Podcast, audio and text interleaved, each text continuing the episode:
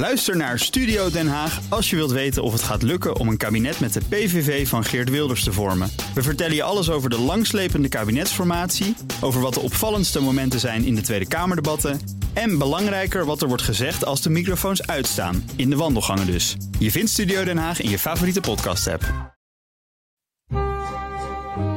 De Perestroikast. Een blik op Oost-Europa.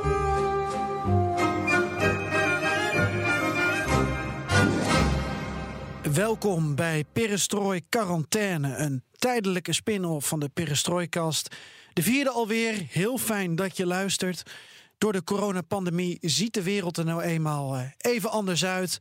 Want iedereen is zoekende, kameraad Floris. Ja, Geert-Jan. En zoekende zijn ze ook in onze regio. En dat leidt tot de nodige nieuwsberichten. Want elk land, elk land hanteert in deze tijd natuurlijk een andere aanpak. Wat valt jou hier aan op, Geert-Jan? Nou, Arjen Lubach, kijk je dat wel eens? Nee. Oh. Nou, die had afgelopen zondag ineens veel aandacht voor onze regio. Maar dat ging dan over de uh, bijzondere manier van aanpak van Alexander Lukashenko in Wit-Rusland, van Gurbanguly Berdi Muhamedov, uh, Turkmenistan, jouw grote vriend. Maar dat zijn mhm. natuurlijk dan ook uh, de extreme gevallen, hè? Ja, ja, want net als nu er veel aandacht. Wacht even hoor. Net, als zo, ja, net zoals er nu veel aandacht is voor de Wit-Russische en Tajikse voetbalcompetitie. Want daar, ja, daar, daar, daar rolt de bal gewoon.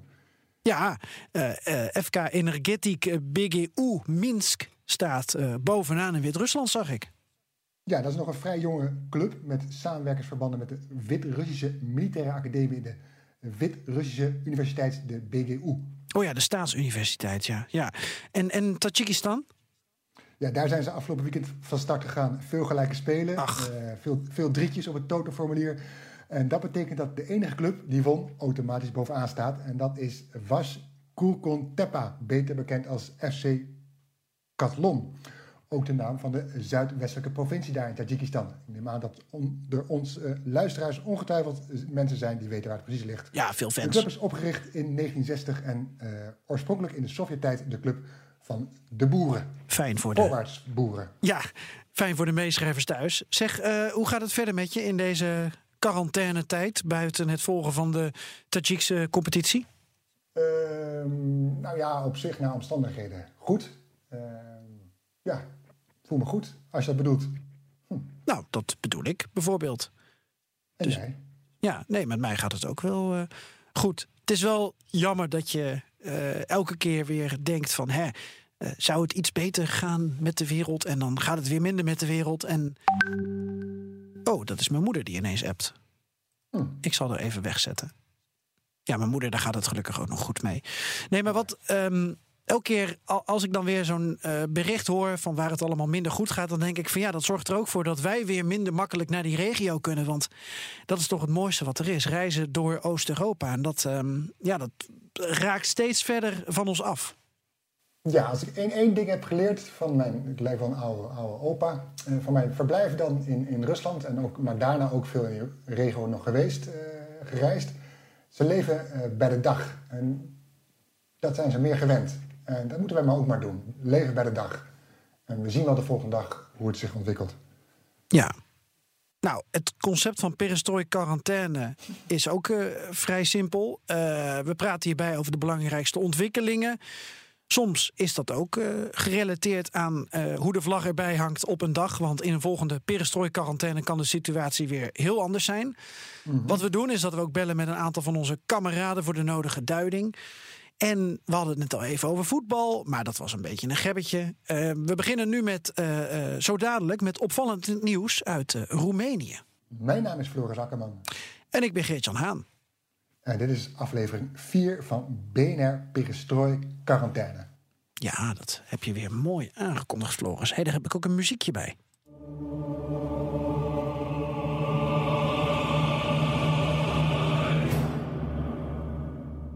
Ja, want we moeten het hebben even over kinderen.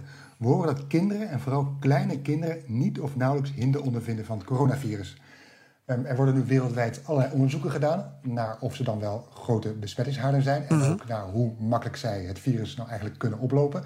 En dan valt een bericht uit Timisoara wel heel erg op. Want Tien baby's in het ziekenhuis daar blijken namelijk het coronavirus te hebben. En ze zijn daar allemaal geboren. De moeders zijn daarentegen negatief getest. Dat heeft de Roemeense minister van Volksgezondheid bekendgemaakt. Dat is een opmerkelijk bericht. Wat is daar aan de hand? Ja, dat, dat zijn ze nu aan het uitzoeken. In datzelfde ziekenhuis, op diezelfde locatie, zijn eerder 25, 25 dokters en verpleegkundigen positief getest op corona. Dus wellicht hebben die baby's het dus na de geboorte opgelopen. Ja.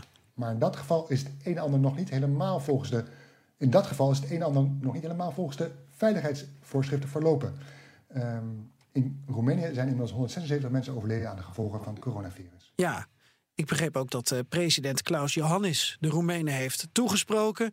Zegt Mhm. dat dit niet het moment is om te relaxen en dat de noodtoestand daarom met 30 dagen verlengd wordt. Ik citeer even wat ik heb gelezen, namelijk: eh, mensen moeten begrijpen dat je dit virus zonder maatregelen niet kunt stoppen. Nou, dat lijkt me een duidelijke uitspraak. Het epicentrum van de Roemeense uitbraak is het prachtige in het noorden gelegen Suceava. Ik ben er wel eens geweest, jij ook? Mhm. Nee. Nee, ik was er ook zonder jou. Ehm, dat wordt nu ook wel het Lombardije van Roemenië genoemd. Nou, dan weet je hoe laat het is, namelijk te laat. Dan naar Bosnië. Dat land heeft twee entiteiten en het beleid daar rondom de strijd tegen het coronavirus is wat rommelig. Ja, zo treedt de Republika Srpska, dat de door Serven gedomineerde regio in Bosnië is. Uh, daar treden ze op tegen het verspreiden van nepnieuws, is per decreet afgekondigd. Uh, paniek en onrust verspreiden, dat levert dan een boete op als die informatie nergens op is gebaseerd of onjuist is. Aha, die boete geldt voor individuen en bedrijven. Als ze via media en sociale netwerken desinformatie verspreiden, kunnen de boetes flink oplopen en tussen de omgerekend 500 en 4500 euro kosten. Dat is een paar maandsalarissen daar. Eh, klopt, klopt. Maar ja, dan vraag je je af, wat is desinformatie? Wat is nepnieuws? En dat is blijkbaar de overheid van Republika Srpska om dat zelf te bepalen. En daar zijn de oppositiepartijen dan weer niet blij mee.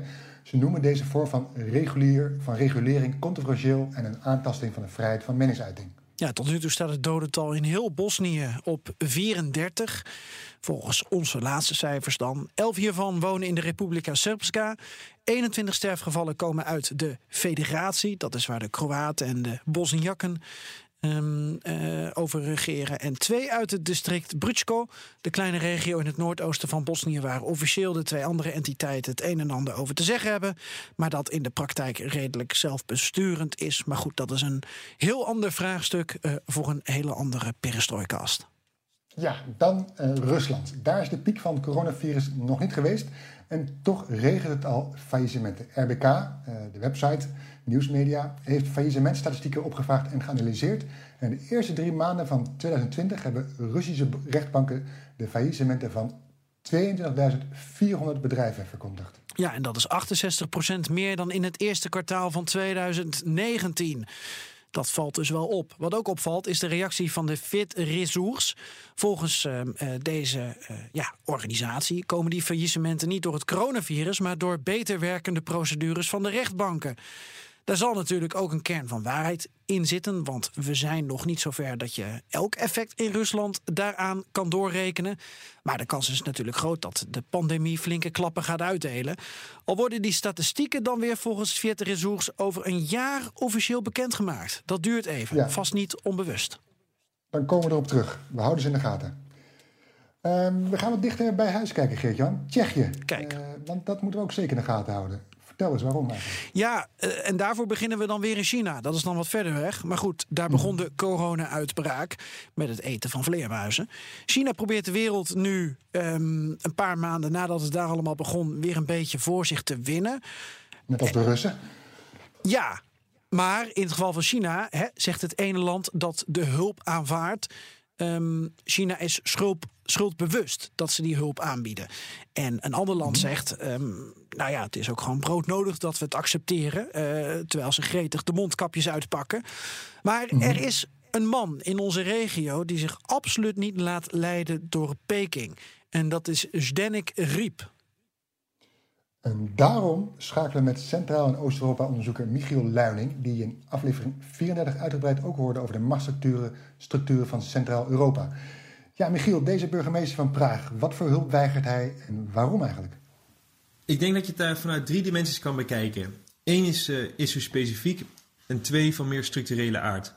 Waarbij eigenlijk te verklaren valt dat de burgemeester, Zdeněk Riep, die van de Piratenpartij is en die voor privacy en mensenrechten staat, eh, kritiek uit op de Chinese hulp.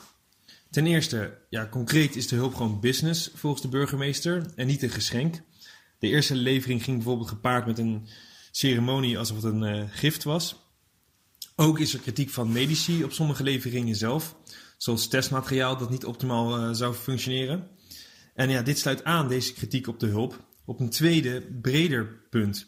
De zorgen over de afhankelijkheid en invloed van China in verschillende landen.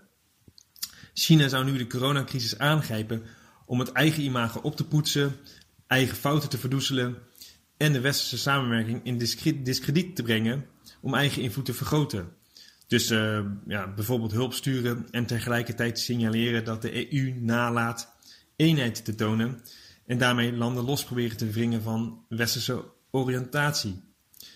En dan komen we dus uh, bij de Tsjechische politieke context, tot slot. Want sinds 2010 kreeg Tsjechië steeds meer een pro-Chinese oriëntatie. En uh, die wordt vooral gedragen door de huidige president Miloš Zeman en een kring van zakenmannen rond hem. Uh, tot voor kort ook de Sociaaldemocraten. En ook de huidige premier Babiš, die niet per se pro-China is, maar mede door gedoogsteun van de communisten en uh, steun van de president in het zadel zit. En die zijn uh, dat wel. Nou, in de hoop op onder, onder andere verdelige economische samenwerking steunen of steunen zij duidelijk het één China-beleid. Uh, wat door critici wordt gezien als eigenlijk een oog dichtknijpen ten aanzien van repressie van minderheden in China en uh, Taiwan. Nou, de burgemeester van Praag zet nu het meest duidelijke alternatief daartegenover. Uh, terug naar de erfenis van uh, president Havel, die bevriend was met de Dalai Lama bijvoorbeeld, en het opkomen voor mensenrechten. Nou, zo'n krachtig onafhankelijk signaal lijkt te worden gewaardeerd door het Tsjechische publiek, die steeds minder ophebben met de pro-China of halfslachtige houding van de president of regering die nu ook gaandeweg lijken in te zien dat de verwachte economische samenwerking wat tegenvalt met China, terwijl de politieke invloed uh, zich wel gevaarlijk lijkt uit te breiden via allerlei kanalen. Kan hij dat als burgemeester eigenlijk bepalen? Is dat geen landelijke aangelegenheid? En ja, zoals we in de eerdere podcast met jou ook al bespraken, uh, president Milos Zeeman, ja, die heeft juist een directe lijn met Peking. Dus leidt dit niet tot een interne uh, politieke rel? Normaal gesproken is het natuurlijk ongepast voor een burgemeester om zich zo uh, sterk uit te laten over buitenlandse zaken. Maar belangrijk is te noemen waar de spanning met China mee begon, denk ik. Want voordat Riep burgemeester werd in Praag, lag er een stedenband tussen Praag en uh, Beijing in het verschiet. China benadrukte echter dat er een één China-beleid clausule in de stedenband moest. Ja, wat wellicht een beetje opmerkelijk is uh, bij een stedenband, om buitenlandse politiek er zo bij te betrekken. Nou, de burgemeester weigerde waardoor China het liet escaleren op hoog politiek niveau en ook allerlei tegenmaatregelen nam, zoals zaken blokkeren met de naam Praag erin. Uh, denk bijvoorbeeld aan een tour van een Praags orkest in China. Nou, de Tsjechische regering was niet blij, maar de burgemeester leek in die zin niet zijn uh, bevoegdheid te boven zijn gegaan.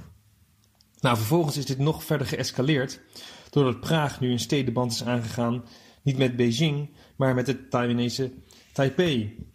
Nou, de coronacrisis lijkt nu een duidelijke volgende episode die de Tsjechische regering ja, zeker in verlegenheid brengt en waarbij de burgemeester zich profileert en een verdere koerswijziging probeert af te dwingen in Tsjechië.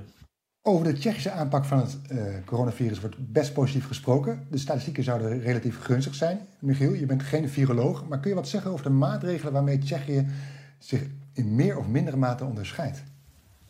Ja, wat denk ik opviel was de snelheid van de reactie en de forse maatregelen in Tsjechië. Wat aan het begin werd bekritiseerd, maar nu wordt geprezen. Uh, ook is nu bijvoorbeeld de verplichting dat mensen die uit het buitenland komen 14 dagen in zelfisolatie moeten. En niet alleen als ze uit risicogebieden komen. Nou, uiteenlopende forse maatregelen zijn natuurlijk genomen in verschillende landen. Maar de snel ingevoerde verplichting van het dragen van mondmaskers of kapjes door iedereen is wel een uh, opmerkelijke. Te meer omdat het een enorme mobilisatie teweegbracht in Tsjechië. Het hele land was in de weer om uh, mondkapjes te maken en was ook in staat om aan die verplichting te voldoen. Dit terwijl er geen genoeg mondkapjes beschikbaar waren om te kopen, zoals het geval in uh, heel Europa. Ja, deze Riep is een piratenburgemeester. Digitalisering en privacy zijn heel belangrijke punten voor hem en zijn partij.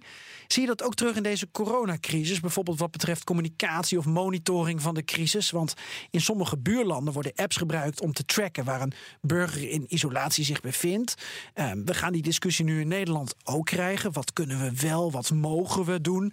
Um, ja, als je dan een burgemeester bent uh, met als etiket Piratenpartij, dan lijkt me dat iets wat, wat, wat je om privacyredenen verwerpelijk vindt. Of zit ik nou verkeerd? Nou, het is interessant om te noemen dat Tsjechië het eerste Europese land is dat aankondigde vergaande individuele tracking tools te gebruiken om de crisis te bestrijden.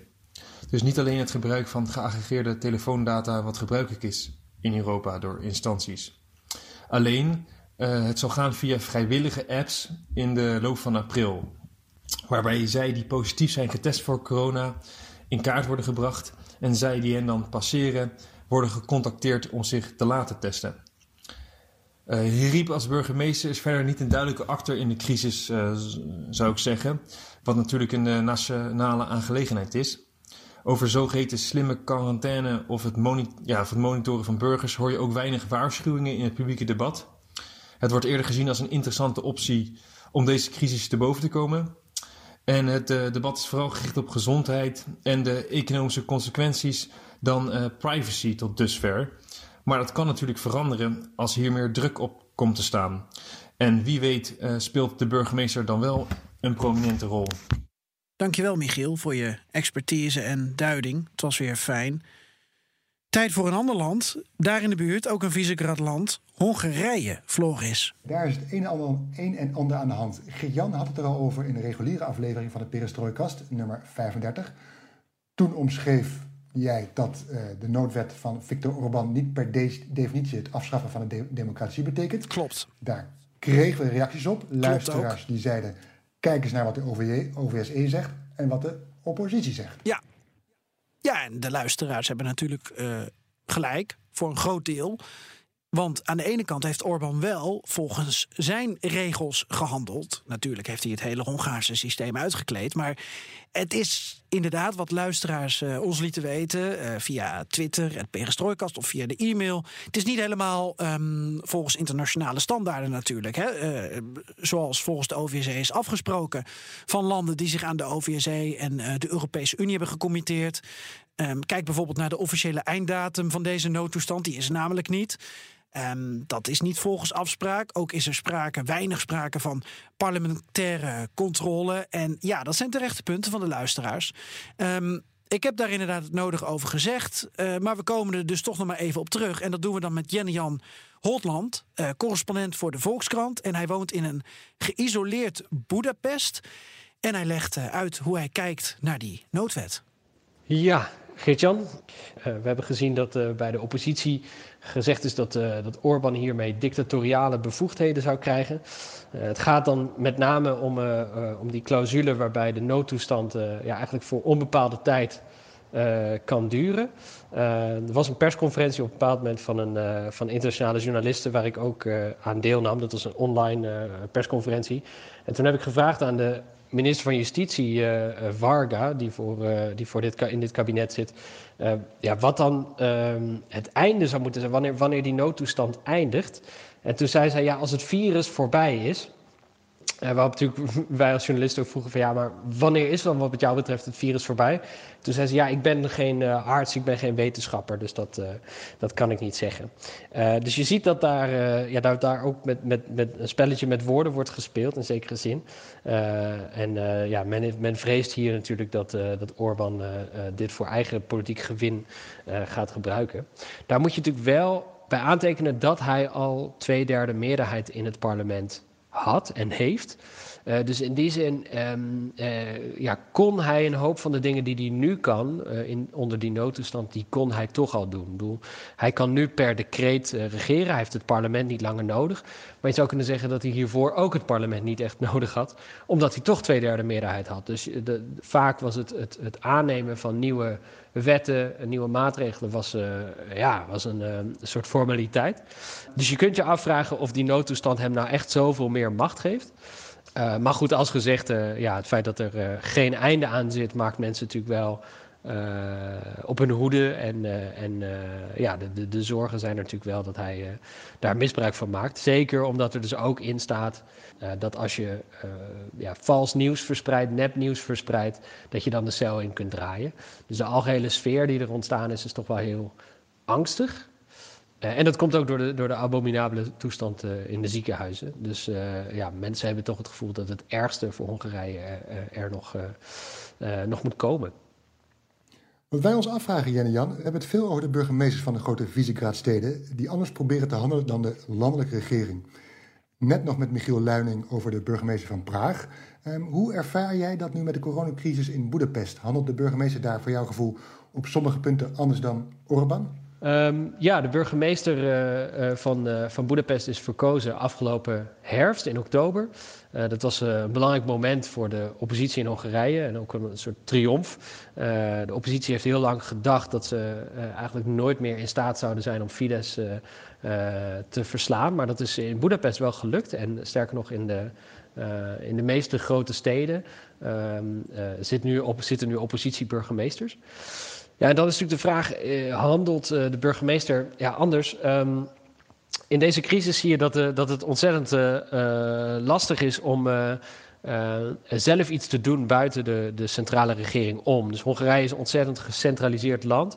en je ziet dat de, dat de regering van Orbán um, ja, voortdurend probeert de boel te politiseren en, en um, ja, uh, eigenlijk, eigenlijk politieke munten uit te slaan. Dus om een voorbeeld te geven, als je nu op de Facebook kijkt van, uh, van de, de burgemeester van, van Budapest, dan zie je dat hij vooral bezig is om allerlei maatregelen die nu in hoog tempo worden afgekondigd, om daar als het ware wat weerwerk in te bieden. Dus sinds de noodtoestand heeft, is, is afgekondigd, is er bijvoorbeeld ook een plan gelanceerd om, om theaters, toezicht bij theaters um, meer bij het ministerie te leggen.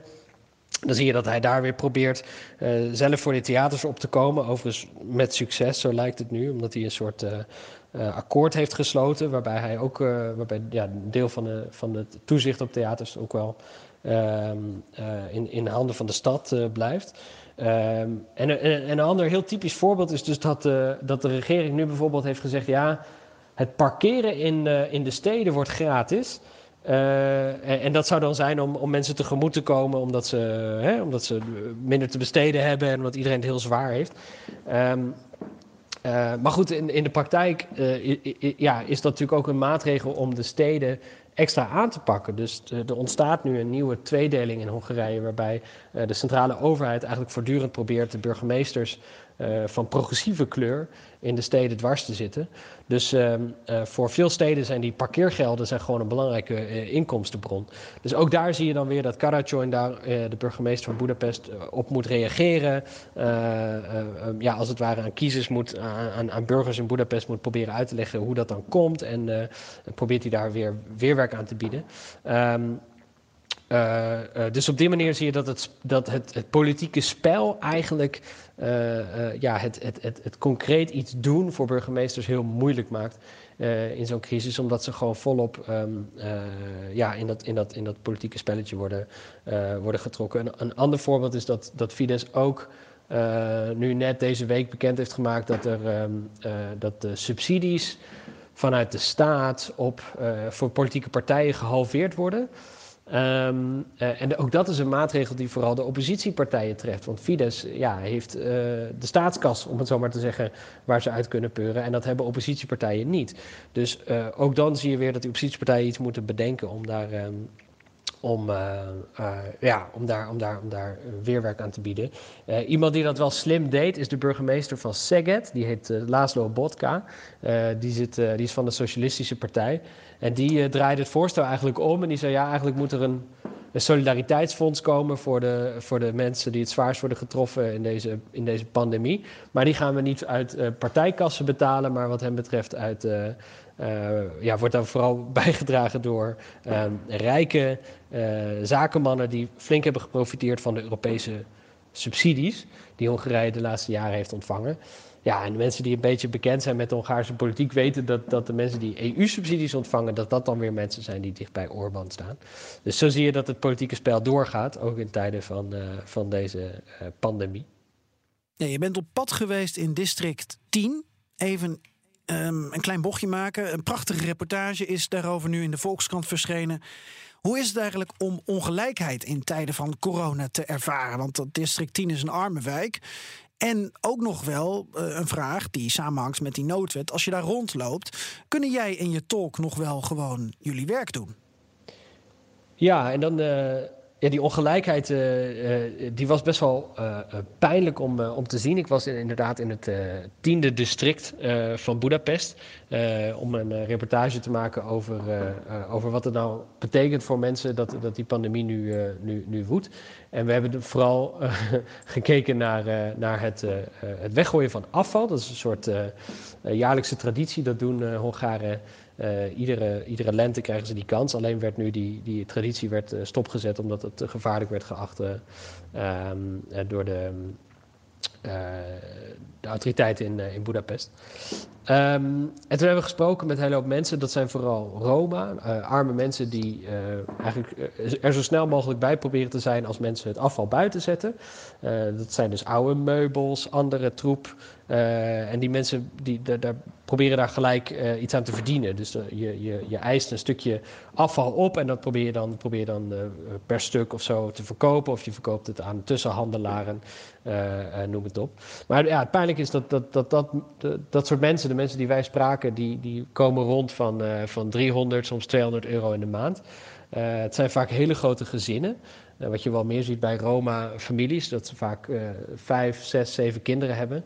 Um, en dat, dat is wel extra, extra wrang. En, en, en ja, toen ik dat zag, dacht ik ook wel van ja, het, het, het, eh, veel van de discussies zoals die nu in Nederland gaan en op andere plekken zijn natuurlijk vooral over de, uh, de quarantaine die iedereen mee moet maken, de, de dagelijkse gang van zaken die totaal um, uit het lood is geslagen, het feit dat we niet naar ons werk kunnen. Maar dit is echt een veel meer existentiële angst. Uh, weet je wel, heb ik, kan ik straks nog wel mijn kinderen voeden? er stond ook vorige week een veelgelezen stuk op Index, een Hongaarse nieuwswebsite, waarbij uh, je ziet dat nu uh, um, het, uh, hulporganisaties ook echt naar Oost-Hongarije gaan om, om voedsel uit te delen aan, aan Roma. dat zijn vooral gemeenschappen in het Noordoosten, waar heel veel armoede is. En dat komt omdat de kinderen van veel Roma-gezinnen normaal gesproken het eten ontvangen um, op school. dus de lunch tussen de, tussen de middag. En nu uh, kunnen ze niet langer naar school omdat die scholen dicht zijn en uh, hebben die, die gezinnen geen geld om, uh, om die kinderen een, een, maaltijd te geven. Dus ja, voedselhulp in Oost-Hongarije en dus binnen de Europese Unie. dat is toch wel, wel schokkend om te zien. Ja, en dan nog de vraag over, over ons werk. Nou ja, ik kan zelf hier gewoon nog steeds mijn werk doen. hetzelfde geldt voor mijn tolk, Mate, met wie ik mijn verhalen maak. Ehm, de maatregel waar we het net ook over hadden, um, om, om, journalisten eigenlijk, uh, ja, om dus, hè, dat, dat, je dus, dus je drie jaar de cel in kunt draaien uh, als je vals nieuws zou verspreiden.